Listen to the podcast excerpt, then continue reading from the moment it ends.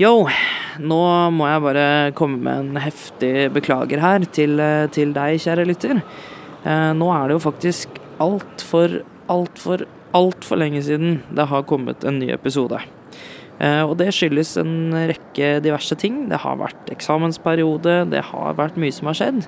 Og i tillegg så har jeg dessverre måttet skrote en del episoder og faktisk spille det inn på nytt.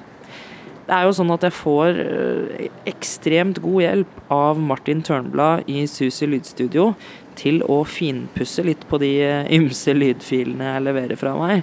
Men det er dessverre ikke alltid det lar seg redde hvis man har vært litt for sløv med innspillingsteknikker.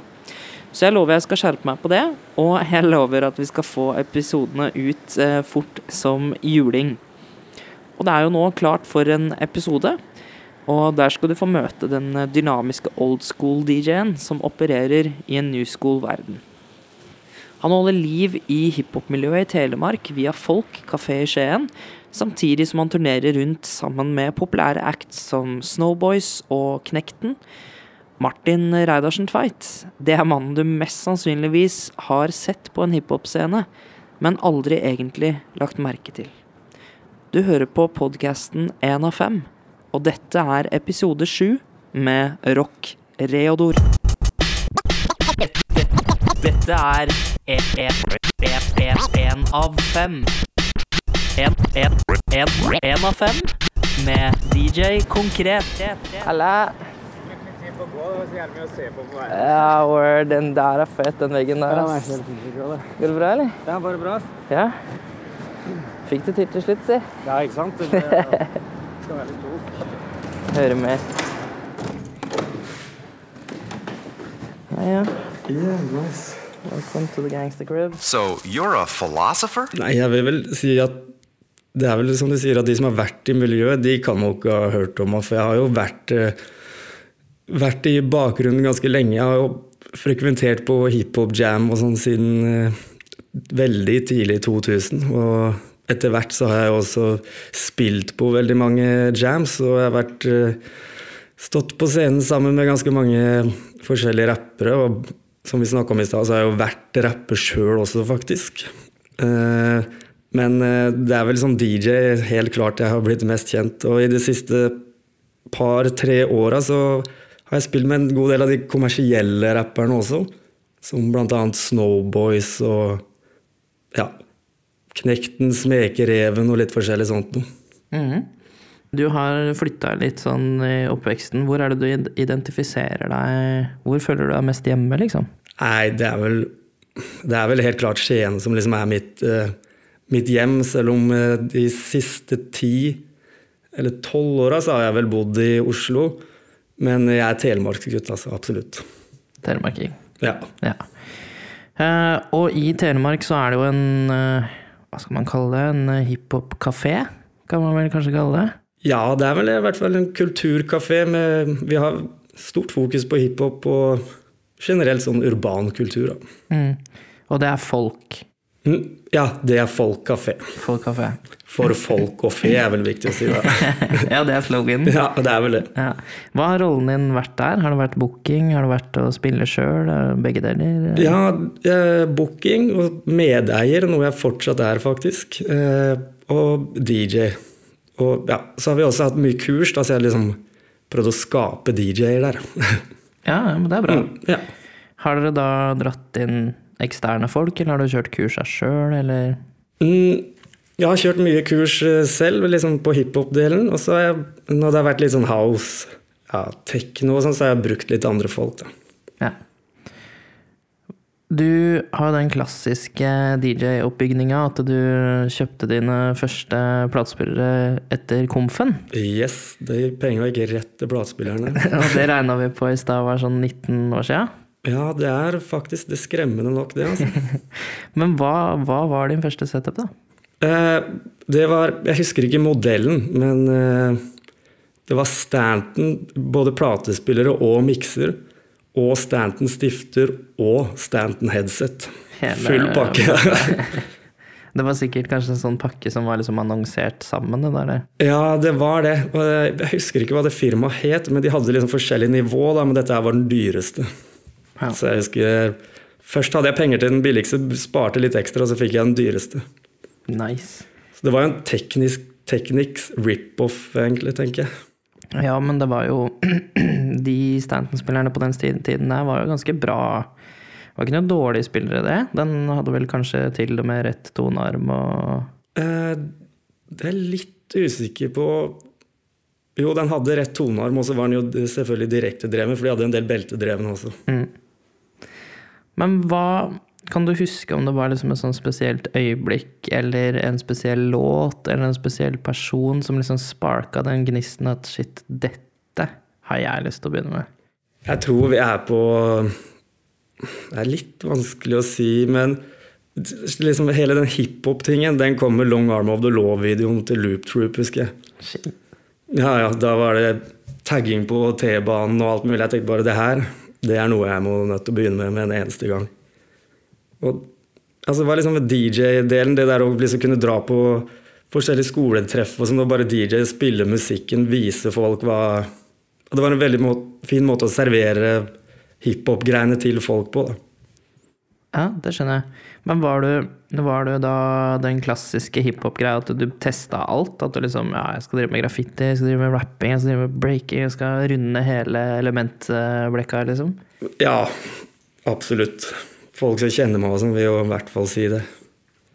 For jeg har, jeg har hatt breakdance-kurs, jeg har hatt graffiti-kurs, og Så jeg er vel kanskje den som har vært borti mest av alle de tingene og brukt mest tid på det av alle jeg kjenner. Og derfor kanskje også, jeg har også brukt lang tid på å liksom bli god på én ting, da, for jeg driver med alt. Mm, vi, vi må jo snakke litt om det å være en turntablist, eller da dynamisk DJ, om du vil, i en new school-verden. Fordi som du sa i stad, så har du spilt med en del av de new school-rapperne, som er liksom de kommersie nye rapperne. Eh, og det har jo vært litt sånn holdt på å si føljetongspørsmål for min del i, i den poden her, og på en måte prøve å skjønne og forstå hvorfor så mange av de dagens nye rappere ikke, ikke har lyst til å bruke sånne DJs som deg, da. Men hvordan ramla du borti de samarbeidene der? Var det de som Yo, vi trenger en fet DJ? Det er jo eh, Egentlig så er det litt via folk. Veldig mye av, veldig mye av kontakten min generelt er jo via der. Som booking og sånn. Men eh, Jeg vet ikke helt nøyaktig Det var vel Linni først som var jeg hadde booka, og så var han på folk, og så blei vi sjukt gode kompiser bare på den lille tiden vi var der. Og så DJ-a for han, så syntes han det funka bra, og da kommer liksom YG, MG musikkgruppe som en naturlig del etter det. da, For da spilte jeg med Linni, og så var vi på samme event, så da blei jeg liksom DJ for Snowboys, Yo-gutten og hele pakka. Av en sånn ganske naturlig del. Men så har jeg alltid likt gangsterrap og sånn, og det er jo det norske svaret på det, spør du meg. Ja, det kan man jo, det kan man jo si, men Eller ikke nødvendigvis gangsterrap, men alternativ rap til den 90-tallsgreia som jeg alltid hadde drevet med før. da. Eh, opprørsrapp, kan man si. Eller at det liksom Ja, for det er jo bryter litt av de forventningene. Det er litt rebelsk, liksom. Ja, ja det er det. Og jeg er vel kanskje en sånn litt type person som liker å rocke ved de faste tingene.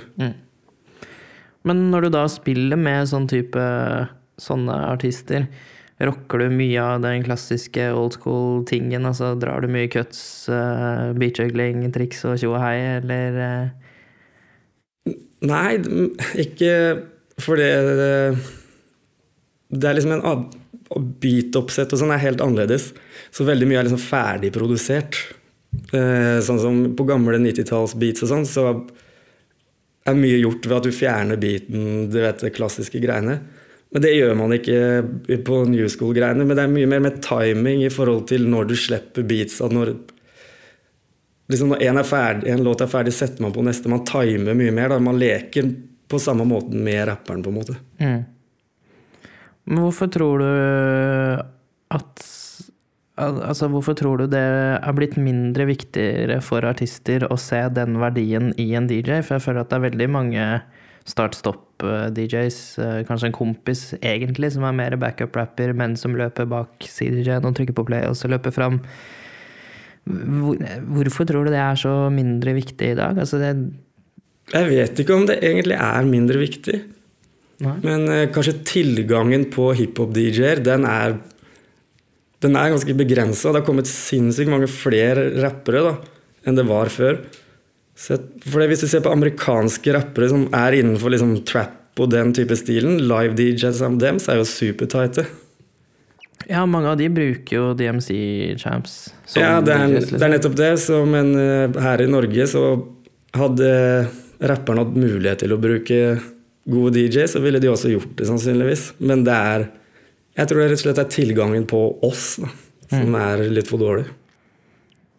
Um, hva tror du er grunnen til det? At det, at det er sånn halvdødt miljø i Norge, liksom? Jeg vet ikke hva det I og med at alt annet rundt hiphop-greiene bobler jo noe veldig. Graffiti-greiene vet jeg knapt om har vært noe mer aktivt enn det er nå. Og rap-greiene har i hvert fall ikke vært mer aktivt enn det er nå. Så det er jo en Men jeg vet ikke om det er fokuset At det har rett og slett vært lite fokus på DJ-ing, og kanskje litt med utstyr og sånn å gjøre òg. For når jeg begynte med platespilling og sånn, så var liksom scratching De tingene DJ-en gjorde, syntes veldig, og det var veldig appellerende å begynne. Men å stå med en kontroller og spille hiphop nå er kanskje ikke det samme jeg vet ikke, Kanskje ikke det er like kult å være DJ, da, og derfor vil kanskje ikke de unge gjøre det på Vil heller da ikke begynne. Og de begynner, eller DJs som nå begynner veldig Det er liksom elektronika, techno, house De virker som har veldig blomstring. Ja, for det var akkurat det jeg skulle til å si. For det DJ-uttrykket, eller på en måte det folk forbinder med en DJ, det har jo endra seg veldig. For hvis man sa Nei, han er en DJ på 90-tallet, så så du liksom for deg Technics-a og den setupen der, men hvis du sier det i dag, så ser du for deg en dude med henda i været og langt blondt hår. Ja, ja. Um, Det er nettopp det. så det er jo kanskje noe med det å gjøre, at det, at det har snudd litt, da. Mm, men det er litt rart, for mm, jeg har jo veldig mange venner som DJ-er innenfor ja, techno, house og den type greier der. Og de har jo De også sier jo det samme. At eh, ja, når vi sier DJ-ing nå, så ser de for seg Kygo på stranda, på en måte. Ikke for, Kygo er helt sikkert bra innenfor det han gjør, det har ikke jeg noe peiling på. Men Så det er liksom en sånn EDM-bølge, er vel det man skal kalle det, kanskje. For alle andre DJ-kulturer er like oppgitt over den nye kontroller... Hva skal jeg si? Kontrollerbølgen, og at det, det er ikke noe sånn kult på den samme måten lenger. Nei, det er, det er jo sant, da, men men samt, for, det, for det er jo en Eller det er jo det, men Ja, men det er det jeg tenker på, da, for det er jo en spennende debatt, dette med, med teknologien, og hvilken vei det går. Eh, det var jo Jesse Jeff hadde jo et oppgjør med å på en måte slå et slag for synk-knappen, for det var veldig det ble, det ble liksom den store satan i DJ-miljøet, at det var synk-knappen som har ødelagt alt. ja. Men som han sa, da, så handler det om Ja, ja, hvis den gjør det for deg, smooth det, liksom, ja, chill, men det er ikke det som gjør deg til en god DJ, nødvendigvis, da. Nei, nei, nei. Men, men hva tenker du selv om nytt gear og altså det vi har toucha inn på nå, da, med kontrollere og Ja, for Jeg føler det er liksom en naturlig del å svinge innom når man liksom tenker på DJ-utviklinga. Men jeg, jeg, jeg har ikke noe imot eh, nytt utstyr i det hele tatt, egentlig. For så fort eh, liksom, Med synk-knapp, da, for eksempel, så da kan man jo fokusere på andre ting. Liksom, da kan man jo legge til andre ting, for da har du, slipper å tenke på den delen. Så det gjør ikke DJ-ing noe enklere i den forstand. Det handler jo om å komplisere det seg for seg selv og gjøre det avansert. Så jeg tror det bare er sunt egentlig med all form for utvikling, og det gjør jo ting litt tilgjengelig. da. Må jo ikke gjøre det vanskelig hvis du ikke trenger, liksom. Nei, men så er det også, men så er det også Jeg tenker med platespillere og sånn, så det kosta jo så forbanna mye når vi var små. Så det å begynne var jo dritvanskelig.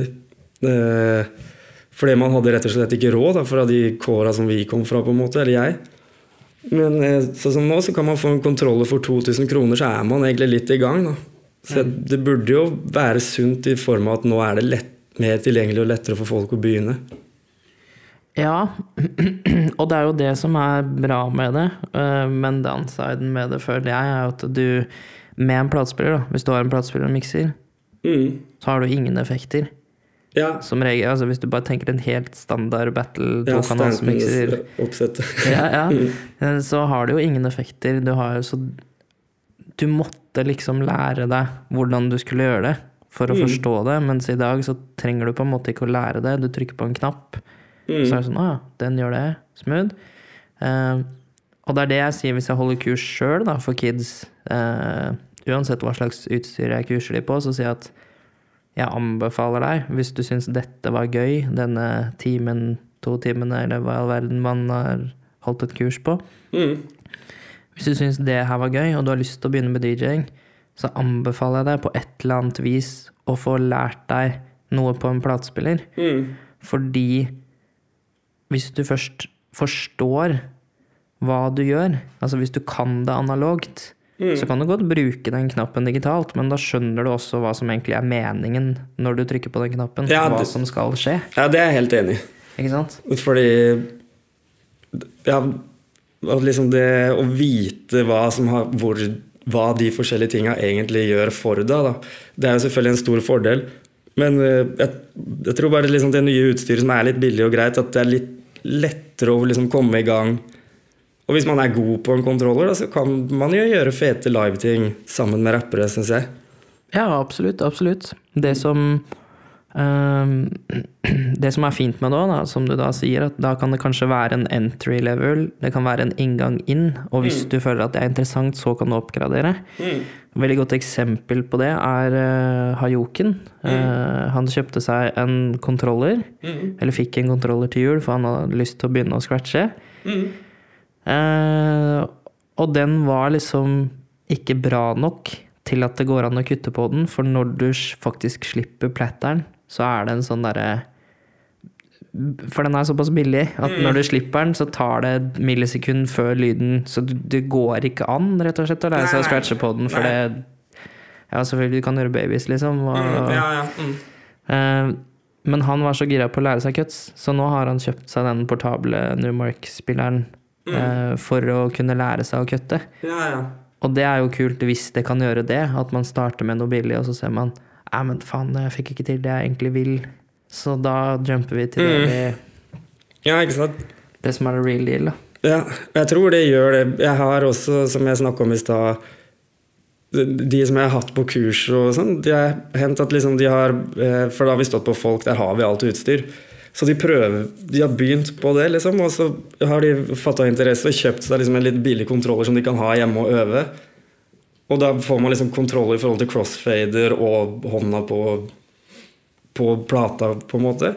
Når de kommer på folk, da, så har de på en måte øvd, og da kan de spille, og de har liksom ganske god forståelse for det. Har fader og EQ og sånn er jo likt på begge ting, på en måte. Og det virker som man fortsatt er litt tabu, for, selv for folk som begynner nå. Jeg kom på jeg har en sånn bra Bra moment med synknapp. Jeg skulle um, spille på Jeg husker ikke helt hva greia var, men jeg skulle spille på et eller annet sted hvor det var en annen DJ som hadde en kontroller. Det var typ en av de første gangene ever jeg brukte en kontroller, men jeg tenkte ja, herregud, how hard can it be, liksom? Ja, ja. Jeg kan spille på vinyl, så hvorfor skal jeg ikke klare å spille på den her? Ja, ikke sant? Og da sto synk-funksjonen aktivert. Eh, og når jeg spiller, så har jeg som regel alltid liksom låta på høyre, og så kuttelyder eller andre ting på venstre side. Men det som da skjedde, var jo at alle låtene vi spilte, ble jo pitcha feil. Ja, ja. For de synka opp med den scratcher-lyden jeg hadde liggende der. ja det er krise. Så, men det verste ved det også var jo at rapperen jeg rappa med, eller spilte med, Erik de Torres, han sa jo ikke det her før etter konserten. Han bare sånn Hva var det som skjedde med beatsa? Så vi Ja. spilte jo hele showet helt feil. Ja, ja. Det er dritt. Det samme gjør jeg med Snowboys på Rockefeller faktisk en gang. Ja, shit. For DJ før hadde For da hadde jeg Serato på platespillere, og så hadde den pitcha Jeg vet ikke helt opp eller helt ned, da, men det var jævlig feil, liksom.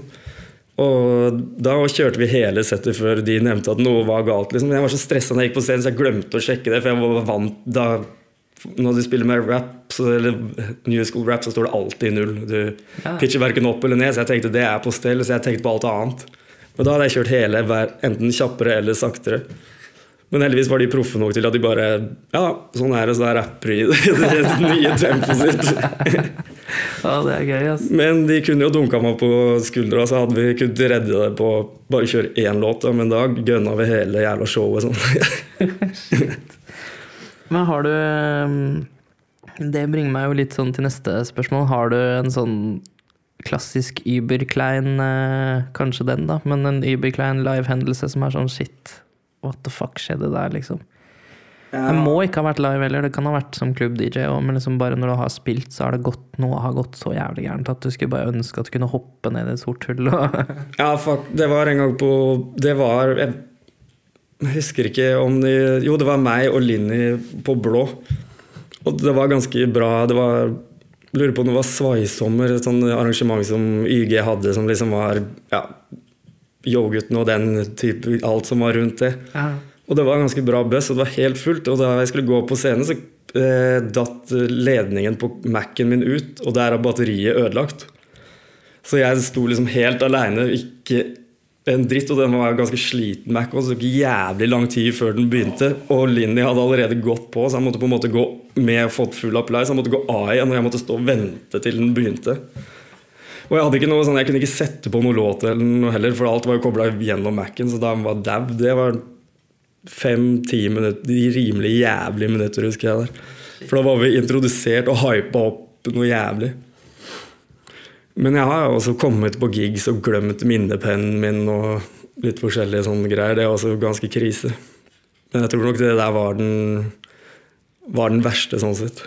ja. Jeg ser den. Men eh, opp gjennom tida så har jo platespillere konka og måttet stå og blåse innenfor stifta der og måtte spille DJ-sett med én platespiller. Spesielt på Taxi Takeaway hadde jeg mye av det problemet der. Ja, shit, den gjengen der, ja. Jeg spilte jo mye på Maxi Taxi, så jeg har jo opplevd mye rart. Der datt Mac-en min ned fra scenen en gang. Mm. Vi hadde full Det var zigzag-gjengen. Ja, ja. Full trøkk på scenen. Og så Jeg hadde den derre Stanton Uber-stand eh, Laptop-standen. Mm. Og den er jo jævla dumt bygd. For den Ja. er jo sånn hvis du egentlig bare tipper den bakover, så Ja, er det den, den har jeg og den som jeg festet sånn strips på. Den har jeg Ja, du må, ja, du må liksom det, men det er, jeg har jo aldri med meg Eller hadde aldri med meg Nei, strips. nei, nei. Så den, men det var Jeg husker ikke hvem det var, men det var en av rapperne som liksom fikk med seg det her og liksom tok tak i Mac-en. da. Så det var jævlig flaks. Men, eh, så det gikk jo bra, liksom. Ja, men ja. eh, shit, da var jeg redd. Altså, når jeg så den bare Ja, ikke sant. Det er krise. Jeg, husker jeg hadde en litt annen opplevelse, som er ganske sånn old school-ting. Som innebærer Don Martin. Han har vel vært innom her, og han òg. Ja. Så jeg husker han hadde en sjappe som het Sun Records eh, der. Og da var jeg Da var jeg skikkelig kid, og liksom Don Martin og det var vel DJ Taus som sto der. Og de var så idoler på den tida. Så gikk meg og kompisen min ned, og liksom vi sjekka på skiver, men vi kikka like mye på de bak kassa. De var så superkings. ikke sant? Så husker jeg kompisen min tryna i platespilleren som spilte der. Så plata skata noe jævlig. Og Don Martin og de bare hva faen kikka på oss. Det var liksom et ganske pinlig øyeblikk. Som, eh, da var jeg Som om ikke jeg var på scenen, så var det i hvert fall jævla dritut foran de folka vi så sjukt opp til på den tida der. Ah, Shit. Det skjønner jeg. Som Sun Record var for så vidt en av de første sjappene som jeg kjøpte vinyl og sånn i. Altså. I hvert fall vinyl som hiphop-vinyl. Jeg fikk kjøpt funk og soul og sånn i Skien, men ikke noe hiphop. Nei, for det, det er jo også en greie når du holder på som vinyl-DJ, da. At det er jo ikke er jo ikke gratis, det heller. Og det blir jo fort en veldig dyr hobby. Har du oversikt over hvor mange skiver du har i dag? Nei, det er liksom et spørsmål jeg får ganske ofte, og så er det et spørsmål jeg stiller meg sjøl. Men det er såpass mange at jeg ikke har giddet å telt, da, på en måte. Men eh, jeg har liksom, i stua så har jeg all hiphop og sånne ting som jeg digger. Og etter hvert så har jeg fått ganske mye house og sånn også, som jeg hører mye på. Men så har jeg også masse Ikea-poser og bager og sånn med samples, greier jeg har brukt når jeg har lagd beats og sånn tidligere. Men hvor mange det er til sammen, jeg har ikke peiling. Altså. Det, er, det begynner å bli ganske mye skiver. Er du sånn opptatt av å sortere det og sånn nå, eller? Eller er det liksom ikke så nøye? Det som er at jeg er en sykt rotete person. Veldig også, så jeg får mye kjeft for det. Jeg kan fort ha liksom at ikke skivene er i cover og litt forskjellig sånn, men det er liksom mitt system. Så, alle Så du veit som regel hvor skiva er? Ja, jeg, jeg kan spille jeg, jeg har jo DJ-sett i stua mi hele tida, og det går bra, men alle andre vil nok få et problem. jo. det kan jo være noen funklåter som passer med hiphop-låter, f.eks., som jeg veit. Ja, og det, det er jo et jævla godt poeng, for det der er jo vanskelig. Åssen skal man sortere det, liksom? Mm. Ja, nei, da har jeg liksom jeg, De låtene som passer sammen, de står der uavhengig sjanger. Det er vel sånn systemet mitt er. Nice. Men du sa at du hadde vært litt innom produsering også. Er det noe du driver med fortsatt, eller var det en liten periode? Eh, Det var liksom eh, Jeg vet ikke helt nøyaktig hvilken periode jeg holdt på med det, men jeg drev og sampla og lagde mye sånn klassisk type hiphop-beats. Jeg produserte aldri for noen Jeg produserte for meg sjøl, for jeg rappa jo litt og sånn. Men eh, jeg hadde aldri selvtilliten til å drive og sende rundt beats og sånn, og det var litt før den tiden at det var vel ja, Det var ikke så vanlig å sende hverandre beats på den tida heller. Men eh, nå i de seinere tid så har jeg begynt å ta det litt opp igjen. Men eh, det er fortsatt bare helt på eget eh, Men jeg produserer ikke for noen, for å si det sånn. Nei. Men rappinga vi, altså En ting som alltid er gøy å være innom, er jo artistnavn. Å ja, Oh, herregud, der begynner det å bli noen, ja. Ja? Mm. Nei, jeg veit ikke hva mye rart jeg har kalt meg, ja, men uh, Jeg husker liksom eh, det rappnavnet jeg brukte mest, det var Romero. husker jeg. Det var jeg rapper, og så hadde jeg med som het Ve- Vegard. DJ Vega. Så vi kalte oss Romero og Vega. Det var liksom så seriøs jeg blei med rap. Men uh, så kalte jeg meg en spin-off på For jeg kalte meg Lynvingen en periode også.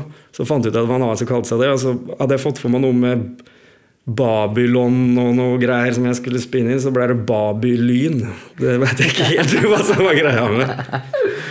Uff. Det er vel definitivt det tetteste navnet jeg har hatt. For jeg vet ikke om jeg visste om Babylon var bra eller dårlig heller, men at det bare var en sånn der ting som folk sa. Så det var jo jævla kult. ja. Rocker Eodora, hvor, kom det, hvor dukka det opp hen? Ja, det er ganske sånn eh, Det føler jeg Det er litt irriterende å si det til folk, fordi rockereodor høres litt sånn corny ut, men historien bak det føler jeg er ganske real ennå, egentlig. Fordi favoritt-DJ-en min før, det var Rock Raida, på en måte. Så det er der rock kommer fra. Jeg skriver det ROC, samme som han skriver ROC Raida. Og Reodor er jo selvfølgelig Reodor Felgen, da. Så da blir det på en måte Rock Reodor Felgen som er greia. Så det er liksom en homage til eh, godeste Rock Rada og Reodor Felgen, så begge to er sånn litt idoler for meg. Ja, fett. Det er, det er jo som eh, en som vet hvem Rock Rada er og Reodor Felgen er, så er det jo lett å kanskje tenke seg til at det er der den er. Ja, ja, det er veldig, Jeg blir veldig glad når folk tar den. Men andre folk tar, skjønner jo ikke helt Hvorfor skriver du ikke rock med K? og litt sånn, så bare, det, Hvorfor skriver du ikke R-O-K-K? er, det er en forbanna god grunn til det, egentlig. Men, eh, men er det det eneste DJ-navnet du har hatt, eller har du vært innom noe der òg? Jeg er dårlig på å huske hva jeg har hatt tidligere på Jeg har hatt det lenge, men, men det var DJ Lynvingen. Det var liksom, tror jeg nok var det første. Eh, Men jeg var aldri DJ Babylon, da. Det var en eller annen rappfyr.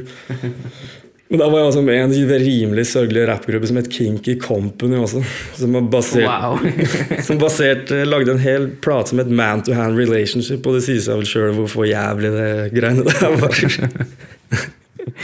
Er det, finnes det noe trace av ting du har gjort som rapper uh, ute på interveven, holdt jeg på å si? Eller er, det- eller er det bortgjemt i en eller annen mørk skuff? Jeg har jo prøvd å liksom slette de tingene jeg har lagt ut sjøl.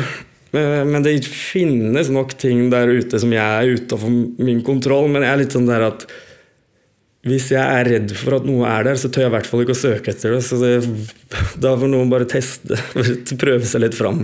Jeg gjør det innimellom. Jeg syns det er faktisk jævlig gøy å google seg sjøl og gamle prosjekter. Og Jo, det kan, noe kan være gøy, men noen ting er såpass ille at uh, Ja, det er greit at jeg ikke veit om det.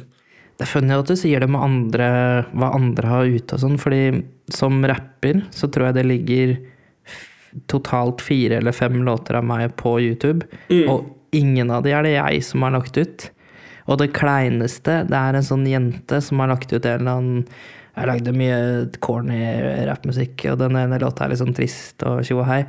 Og så har hun lagt ut den låta med sånne bilder av bikkja si som ruller som sånn slideshow. Det er ganske rått, det. Har du prøvd å få kontakt med hun dama, eller? Uh, ja, jeg tror jeg gjorde det den gang det ble lagt ut. At jeg liksom ja. spurte om noe greier. Men uh, det er lenge siden, ass.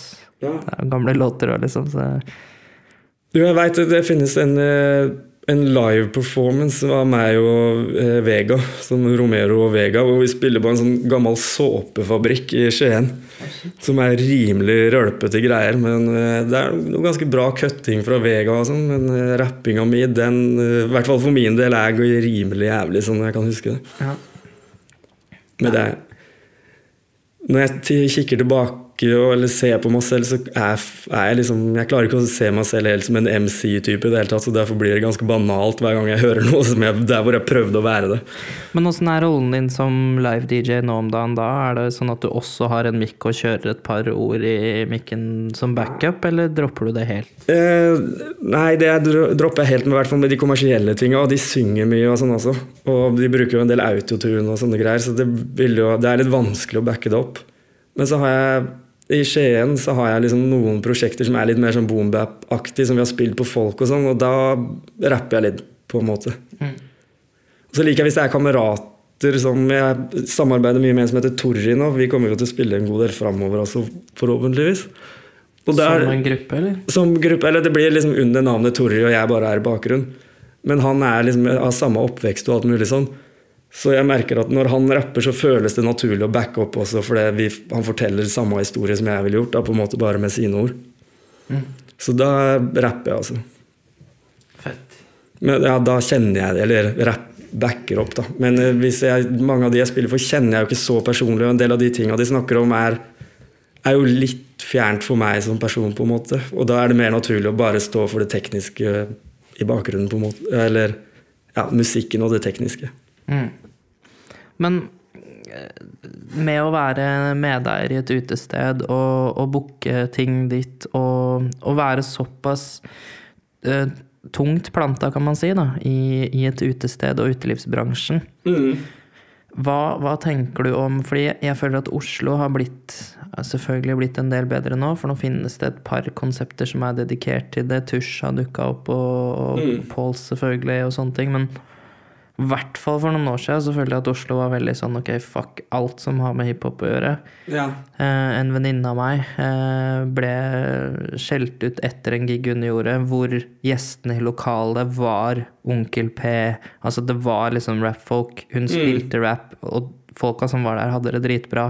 Etterpå fikk hun kjeft og bare 'du kan ikke spille det her'. eh, på, hvis du skal spille her igjen, og liksom Jeg følte at det var litt sånn derre kjappjaging, holdt jeg på å si, hvis det er et ord. eh, av hiphop eh, ut av utesteder i Oslo, i hvert fall. Mm, jo, det er det vel. Det var jo i en periode hvor det var faktisk politiet, vel, som gikk ut og sa at eh, liksom utestedene var, Jeg vet ikke om det var liksom forbudt, men du ble veldig uglesett av feil folk ved å spille hiphop. Da liksom skjenkemyndigheter og politi og sånn, for politiet er jo hva skal jeg si, litt øye og ører for, for skjenkebevilgninga. Hvis ut- utestedene torde rett og slett ikke å spille rap for de var redd for at det kunne gå utover ja, skjenkebevilgning Ja, og og så var det jo steder som ble lagt ned og sånn, på grunn av fordi det her var jo egentlig Politiet da, i Oslo hadde et prosjekt hvor de, hvor de gikk eh, mot utesteder for å ja, Kort forklart, det de claima, var at de skulle sikre bedre kommunikasjon med utestedene og politiet. Og de sa blant annet til Fisk og Vilt, som jeg har spilt på, så sa de at liksom Si fra til oss med en gang hvis det er noe, så har vi en god dialog. Ja, ja. Og det gjorde de, og politiet bare ok, fuck you, dere har så mye issues, så vi må stenge dere. Og de bare hæ? Ja, Det samme skjedde jo med Blå. Fordi de hadde anmeldt, og anmeldelsene gjorde at det hadde vært så mange hendelser at derfor fikk de beskjed om å stenge. Blå var heldigvis såpass sterke og hadde så mye kulturpersonligheter i ryggen at ikke det klarte å stenge det. da. Men jeg hørte jo som Fisk og Vilt at de ble stengt pga. det. Men det Jeg må jo som liksom hva skal jeg si, Som en av drivere av et sted være forsiktig å snakke om det, men jeg kan jo si at vi opplever mye av det samme, samme i Skien. At man er redd for å anmelde hendelser, fordi da betyr det at de ser at her skjer det ting, istedenfor at hensikten er jo at dialogen skal være bedre. Men det har ikke funka sånn som det skal overhodet. Ikke Ikke for oss heller. Men er hiphop så ille som, som de skal ha det til? Er, er hiphop-publikummet så jævlig? Er det det verste? Det som er at øh, jeg står jo ikke så Jeg står ikke så mye i baren, og jeg er jo heller aldri i døra. Men eh, vi ser på hiphop-kvelden at det skjer ting der.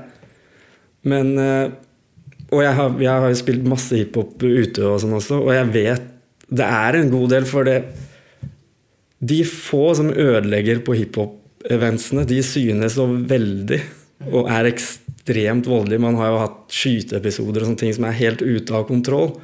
Men hiphop-publikummet generelt er jo dritbra. Men det er de få som ødelegger hele greiene. Og de kommer dessverre veldig ofte kun på hiphop eller tilnærma hiphop-ting. Mm. Så det, men det er, ja, det er rett og slett de få som ødelegger for alle andre. For vi også er, meg og deg også er jo hiphop-folk, men vi vil jo aldri bråke med noen på byen, på en måte, og de fleste er jo som oss. Ja. Men jeg holdt på å si, for å putte deg litt på spotten om det, da. Hva tror du eh, Det er et stort spørsmål, men hva tror du eh, løsninga kan være? Eller hva Hvilken vei kan man gå, eller hva kan man som tenkt, utestedseier gjøre? jeg har tenkt mye på det, egentlig. Og det jeg har kommet frem til, er at fordi veldig, veldig få steder er jo hiphop-steder. Si en gang i måneden så spiller de hiphop der, eller noe sånt noe. Men uh, du ser på Tush og Pauls butikk, og de stedene som spiller konsekvent rap, nesten, der er det ikke noe kødd. For at de klarer å luke ut de idiotene, ikke sant? Så de kommer ikke inn der lenger. Fordi de har vært der og lagd kødd en gang, men nå kommer de ikke inn igjen. Nei. Så hvis du bare tør å stå i det litt og få tatt ut der hvor trøbbelet er, så går det greit. Mm. For det er snakk om to stykker kan ødelegge en hel kveld på et utested uten problem. Ja, altså jeg tenker jo Jeg har vært litt inn i arrangering også. Vært med og gjort noen sånne små festivaler og jams og sånne ting. Og en ting vi har diskutert mye da, på møter og sånn opp mot arrangementer, er liksom Ja, hva skal vi gjøre Hva skal vi gjøre når de farlige taggene kommer? Ja, ja, ja. Hvordan skal vi løse det? Og, men jeg føler også da, at eh, litt i tråd med det du sier, at det har litt med hvordan man møter ja problemet, og hvordan du møter gjestene, og hvordan du møter writerne, bråkmakerne. Hvis du sier 'hei, dere er bråkmakere, fuck dere', Mm. så går jo de i opprørsposisjon. Ok, men da skal vi selvfølgelig bråke her, liksom. Ja, det er nettopp det. Kontra hvis man da på en festival eller på et utested har en do som er sånn, ja, ok, det er ish fritt fram for å tagge ned hele Mm. dassen her, liksom. Vær så god, have fun. Mm. Så gir det jo litt mer sånn rammer at ja, bruk den spotten her, det går fint an. Ja, ikke sant? Nei, vi på folk har jo ikke hatt noen, eh, noen problemer med tagging i det hele tatt. Så er det jo enkelte i liksom folk-greiene som er writere selv også, så dialogen med writerne kommer jo ganske naturlig. Men jeg vet om flere steder i Oslo også, så, uten å nevne noen navn, så det er styrt av folk som har kjennskap til miljøet. Om ikke de er writere selv, men liksom har en dialog med taggere, og der er det null problem. da. Så jeg tror være litt eh, ja, åpen og ikke gi seg selv om det blir litt problemer. Ikke sant? Ja, men det høres ut som vi er enig i, i, i retninga på det, i hvert fall. Mm, men når du, får en sånn kjent rolle for DJ-en, sånn historisk sett, har jo liksom bringe ny, ny musikk til verden, liksom. Så da må jo spørsmålet være hvor du oppdager ny musikk. Hvor finner du dine kilder til mm. Eh, litt vanskelig å si, men det er jo, det er jo så kjedelig som internett og blogger er jo veldig mye der det kommer. Men så er liksom kameratgjengen min er ekstremt uh, musikkinteressert også, da. Det er jo derfor vi er kamerater, helt sikkert. Så vi deler mye musikk, møtes og liksom bruker en hel kveld på å sitte på YouTube og vise hverandre nye låter og sånn. Så det er vel ja, YouTube-vorspiel med kamerater. Der kommer det veldig mye, i hvert fall. Ja, jeg har vært på YouTube-nach hos deg, jeg. Så Ja, du veit nøyaktig hva det går i. YouTube-nach, som kan vare i tre dager omtrent. Så Ja, det er, det er liksom felles interessen med de andre DJ-er og kamerater og rappere og sånn. Men jeg hører jo jeg- både DJ-er og hører jo på veldig mye andre ting enn bare rap også. Absolutt. Um, Spotify eh, og, og streaming og sånn, Mm. bruker du det noe særlig i hverdagen? Hva tenker du om en sånn For det har vært mange ja, det er, Nå begynner folk å bli vant til det, men det har jo vært litt sånn Nei, fy fader, det er ille og Nei, jeg har vel aldri hatt noen sånn veldig sterke meninger om streaming i den forstand, egentlig. For det har ikke påvirka meg så veldig, fordi prosjektene jeg har vært med på, er såpass små at liksom det har det har ikke hatt noen ting å si. Det, det har kanskje bare vært det, det bedre. For vi har uansett ikke tjent en dritt penger på platesalg, så det har liksom ikke vært noe problem. Men eh, jeg har ikke egen Spotify-konto. Jeg bruker dama sin Spotify-konto. Så hver gang hun er på vei til jobb, så må jeg vente og sånn. Men eh, nei, jeg er egentlig jeg er positiv til streaming. For meg og de små artistene som jeg jobber med, så har det stort sett bare vært bra. Altså. Og jeg vet Det er så jeg, jeg kom jo egentlig Når jeg begynte å liksom å gi ut musikk, er jo akkurat i overgangen, så jeg har jo ikke helt opplevd det der gode, gamle CD-platsalget sånn ordentlig heller. Så jeg vet ikke helt hvordan det var. Men har du noen gang sjøl trykka opp eh, mixtapes, eller altså sånn hvis du har miksa Lagd en DJ-miks, da. Har du liksom trykka opp og gitt bort det, eller solgt det, eller gjorde du aldri det? Jo da, jeg har gjort det. Det har jeg gjort en god del. Jeg lag- lagde en sånn graffiti-mix som jeg husker spesielt. Det var kanskje det siste ordet som liksom er sånn innenfor uh, at jeg kan finne igjen et eller annet sted. Men uh, før så lagde vi massevis. Uh, spesielt da jeg fikk med en gang jeg fikk platespillere. Så fort jeg fikk en ny vinyl, så lagde jeg en ny miks, på en måte. Og da ga jeg det til alle kameratene, for jeg var jo den eneste som holdt på med det. Så det har jeg gjort mye. Og som rapper har jeg også trykt opp litt forskjellige ting. Ja. Men det ja, Det håper vi er like langt borte som det som var på internett. Jeg skjønner. Jeg skjønner. Eh, jeg har en sånn liten spalte jeg pleier å gå gjennom. eh, som da Nå skal vi dype litt inn i det veldig tekniske igjen her. ja. Eh, og tanken er jo at du skal svare ish så det fort som Eller liksom det som faller deg inn, da. Ikke Ja. sånn Er det ja-nei-type spørsmål, eller? Litt dilemmaer og litt sånn ja, Ok. nei og ja. Ja. Du skjønner det veldig fort. ja, den er grei. Ja, vi starter med DVS eller analog. Eh, Det er analog. Det er analog. Butterrugs eller carpets? Det veit det er vanskelig å si for meg. Butterrugs, kanskje. Ja. Platesjappe eller netthandel? Mm, Platesjappe, helt klart. Men ja, mm, det er jo veldig mange ting man ikke får i platesjappa. Ja, ja det er sant. Og omvendt, ja. Ja. Favorittnål? Uff, det er vanskelig. Eller headshell, kan man jo Ja, si. Da. Jeg vet, det, vet jeg nesten ikke. Det er vel eh, Åh, jeg er så dårlig på navn nå. Noe ortofone, i hvert fall. Ja. Mm. Typisk litt sånn Concorde. Ja, Concorde er det jeg bruker mest. Det, jeg syns det er veldig medgjørlig uansett hva jeg spiller, egentlig. Ja. Har du en all time favorittmikser? Eh, ja, det er vel noe Faktisk vil jeg si den gamle Stanton-mikseren min har gitt meg så utrolig mye glede. Jeg tror liksom ikke noen annen mikser har gitt meg noe sånn vanvittig glede som den. Så ja, hva nå en modell det var. Den Stanton-mikseren. Ja. uh, favorittspiller? Eh, platespiller? Ja, det må jo på en måte bare bli Tekniks 12 til. Det er mest forhold til, i hvert fall. Ja. Klassiske, klassiske svar. Ja, det kunne jo nesten ikke si noe annet. Um, eh, Scratch-delen av DJ-ing, Ja, det er jo også noe du eh, driver litt med. ja, spesielt før, da. Men hva Hva gjorde at du begynte med det? For én ting var jo å bare skaffe seg platespiller og være DJ, men man Mm. må jo ikke begynne å Nei, det som var at eh, Jeg vet ikke. Det var vel liksom Tommy T og det er jo liksom den tida der hvor det var scratching på refrenget og sånn. Og så var det en også Det har jeg jo ikke snakka om, men det var en sånn lokal rappgruppe. En sånn kristen rappgruppe, faktisk. Som jeg begynte å øve litt med, og de trengte scratch Eller vi hadde jo også hørt Tommy T og de klassiske køtterefrengene og sånn. Så da bare het, ja.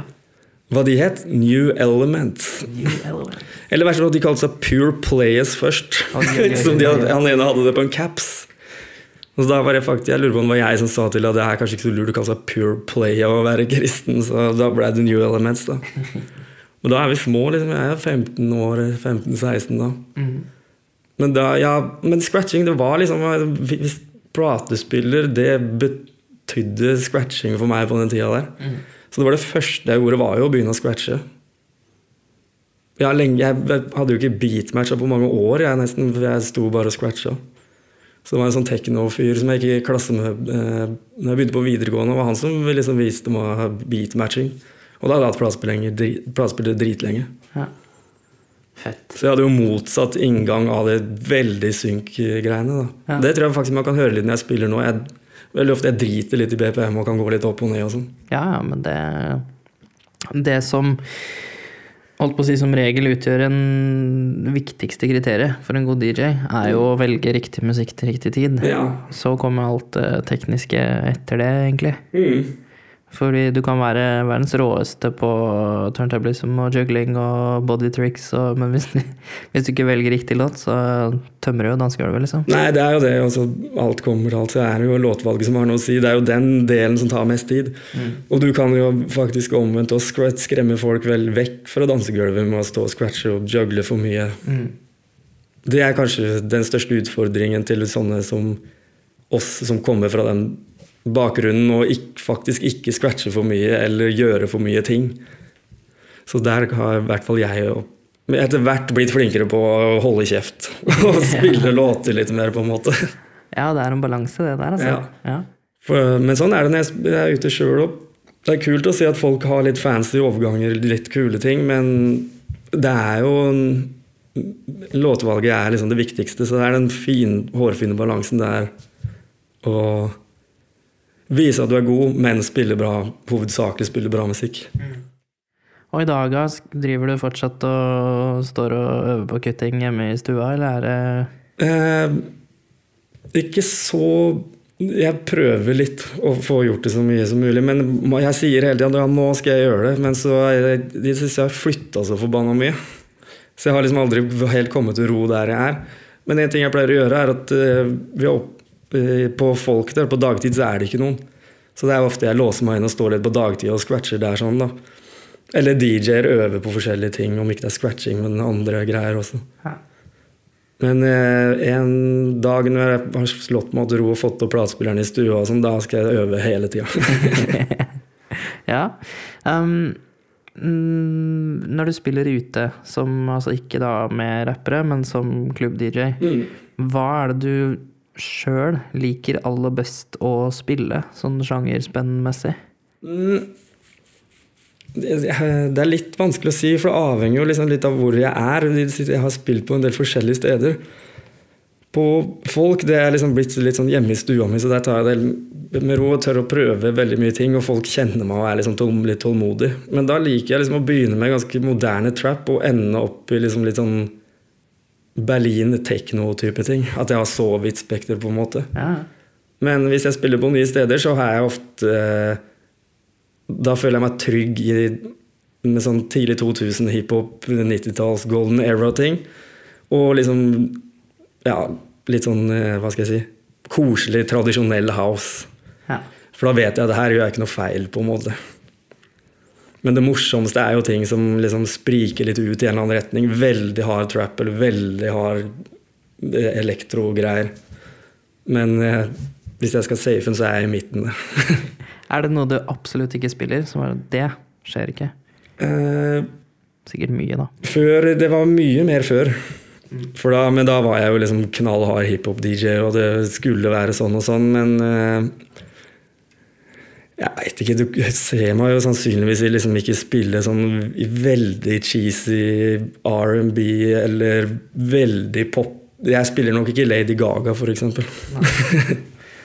Hva er forholdet ditt til eh, requests? Hva tenker du? For det er jo også litt sånn Sikkert alltid en evigvarig diskusjon, men jeg har sett Mm. den har blussa litt opp nå i noen sånn DJ-kollektive grupper på Facebook og sånn, om Ja. og hvorvidt man egentlig skal akseptere det eller ikke. Hvor, hva, hvor står du? En ting jeg liker, det er sånn eh, Hvis jeg spiller på steder hvor ikke det skal være dansing, men folk sitter og koser seg, liksom, og jeg, jeg spiller f.eks. hiphop, da, og det er liksom veldig rolig, og så kommer det en fyr som har sittet og hørt på musikken jeg spiller, og så gir han meg en request som passer jævlig bra innenfor, som gjør egentlig at neste gang jeg spiller, så kommer jeg til å spille den låta fordi den passa inn. Da er jo requesten gjort meg en god tjeneste.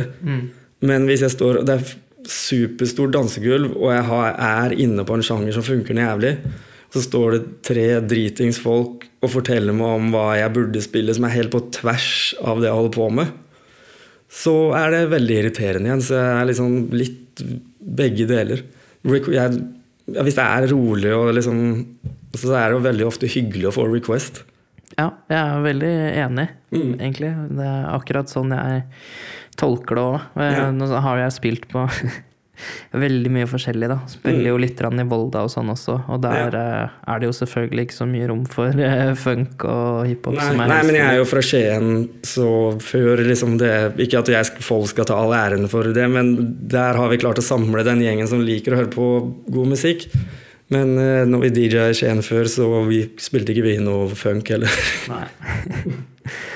Em, hvis eh, vi nærmer oss litt rann, eh, slutten her Ja. em, Men har du noe tips til eh, hvis det er noen som lytter på og tenker at shit, jeg har lyst til å begynne med DJ-ing. Jeg har lyst til å kanskje begynne med litt scratching, eller har du noen tips på veien?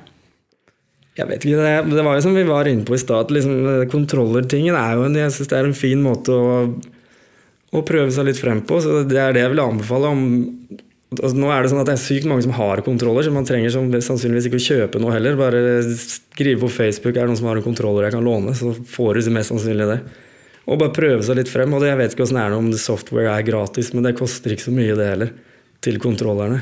Det, det sånn det ofte er nå på kontrollerne, er at du får en slags introversjon av softwaren. Ja. Enten det er traktor Ja, eller stemmer. Eller Mm. recordbox, så får du en introversjon som er inkludert, Ja. som det egentlig dekker det meste. Ja, Uten effekter og sånn sikkert, men at man har Ja, og så kan du oppgradere til full. Mm. Ja, ja. Nei, da er det det jeg ville prøvd, altså. Og det er jo gå på YouTube og se på tutorials, og det er jo Det ligger sinnssykt til rette for å starte nå. Tror du det er lurest å kjøpe helt nytt eller brukt? Brukt, tror jeg. Ganske eh, 100 sikkert. Ja, veldig, veldig enig der. Mm. Ja, mm. anbefaler alltid det når folk spør. Ja, ja. Og det er eh, veldig mye av det utstyret der tåler masse, og det, hvis, sånne ting har stått hjemme som regel. Og, Ja, og så er det jo sånn som Altså, teknologien går jo jævla fort. Så den kontrolleren jeg har, for jeg har en kontroller i tillegg for å hvis utstedet ikke har en damn shit, liksom. ja, det har jeg også, faktisk. En sånn derre Serato Jeg Pioner et eller annet greie. Ikke sant? Eh, og det har jeg òg. og um, den er jo nå allerede jævlig gammel, i anførselstegn. Men den er jo ikke gammel. Nei, nei. Men fordi det har gått så Mm. eh, Teknologien går så fort, så får du liksom en jævlig bra kontroller til en god pris fordi den allerede er fire generasjoner gammel, liksom. Ja, jeg er gæren. Det er nettopp det. Jeg vet ikke hva, liksom, hvor mye ting kan komme på de nye greiene også. på en måte. Man har, På den kontrolleren jeg har, som er, ja, den er noe sånn fem-seks år gammel, og det er absolutt alt jeg trenger. Software, da? Hva tenker du om eh, det? Nei, det, Nå har jeg alltid brukt uh, Serato, da, så det er jo liksom uh, Det har bare blitt det er min sånn greie til den type DJ-ing. Men så bruker jeg jo recordbox og sånn når jeg uploader minnepenner og sånn til de CDJs og sånn, da. Men eh, jeg ville da anbefalt Serato, for det er det jeg har mest erfaring med. Og syns det er veldig greit setup. Det er hva skal jeg si, tydelig og oversiktlig og fint å bruke. Du har jo noen, noen unntak, men jeg har følelsen av at um, traktor er som regel mest elektronika house DJ som bruker, og Serato er liksom mest uh, platespillerbasert uh, hiphop uh, DJs som bruker. Ja, det, det er jeg jo lagt merke til. Og det er Med folk jeg kjenner også, så er det sånn det er. Og jeg ser det på YouTube-greier og sånn også. Men nå er det veldig mye av de house-folka sånn, de har gått litt vekk fra hele greiene og bruker nesten bare minnepinner, virker det som. At de har kontrollere med minnepinner, og ja, ute så bruker de CDJs etter Pioner. Og bare at det er litt sånn tabu å bruke data der. Mens hiphop-folket bru- virker jo som er fornøyd med Serato og bruker det, i hvert fall sånn jeg ser det. Mm. Ja, de Det gjør jo Traktor og for øvrig, og for øvrig, og selvfølgelig Pioner sin egen recordbox, og også Traktor, men veldig mye utstyr blir jo laga i samarbeid med softwaren, og, så du får jo veldig mye bra utstyr som er liksom lagd for akkurat Ja, ja. Mm. For akkurat det, da. ja. Mm. Eh, hvis vi skal ha sånn eh, avsluttende spørsmål, så pleier jeg alltid å spørre intervjuobjektet i poden om om det er en all time favorite norsk DJ. Der mm, hvis det er jo, Der kommer det sjangere inn i bildet igjen, da. Men hvis vi skal si hiphop, som liksom er Jeg blir jo veldig ofte forbindt med å være en hiphop-DJ. Og da må jeg si Nasty Cut er min store all time favoritt. Altså. Word. Mm. Ja, enig. Det er, eh, selv om på en måte den delen som jeg digga noe jævlig, den slutta jo kanskje litt for tidlig. Jeg skulle ønske at det varte mye lenger. Men den perioden det varte, så var det fantastisk, husker jeg. Ja. Eller husker, jeg hører på den. Ja. Jeg ser at til, til Nasty. Eh, absolutt. Mm. Har du noen ting du har lyst til å hive inn på slutten? Noe som burde vært nevnt? Nei, jeg føler egentlig at vi har vært igjennom stort sett det meste. Altså. Mm, ja, men cool. Da takker jeg for praten, og så slutter vi der. Perfekt. Tusen takk for at jeg fikk lov til å komme hit. Takk for at du kom. Yes. Yes. Yes. Yes. Yes. Yes. Yes. Yes. Yes. Yes. Yes. Yes. Yes.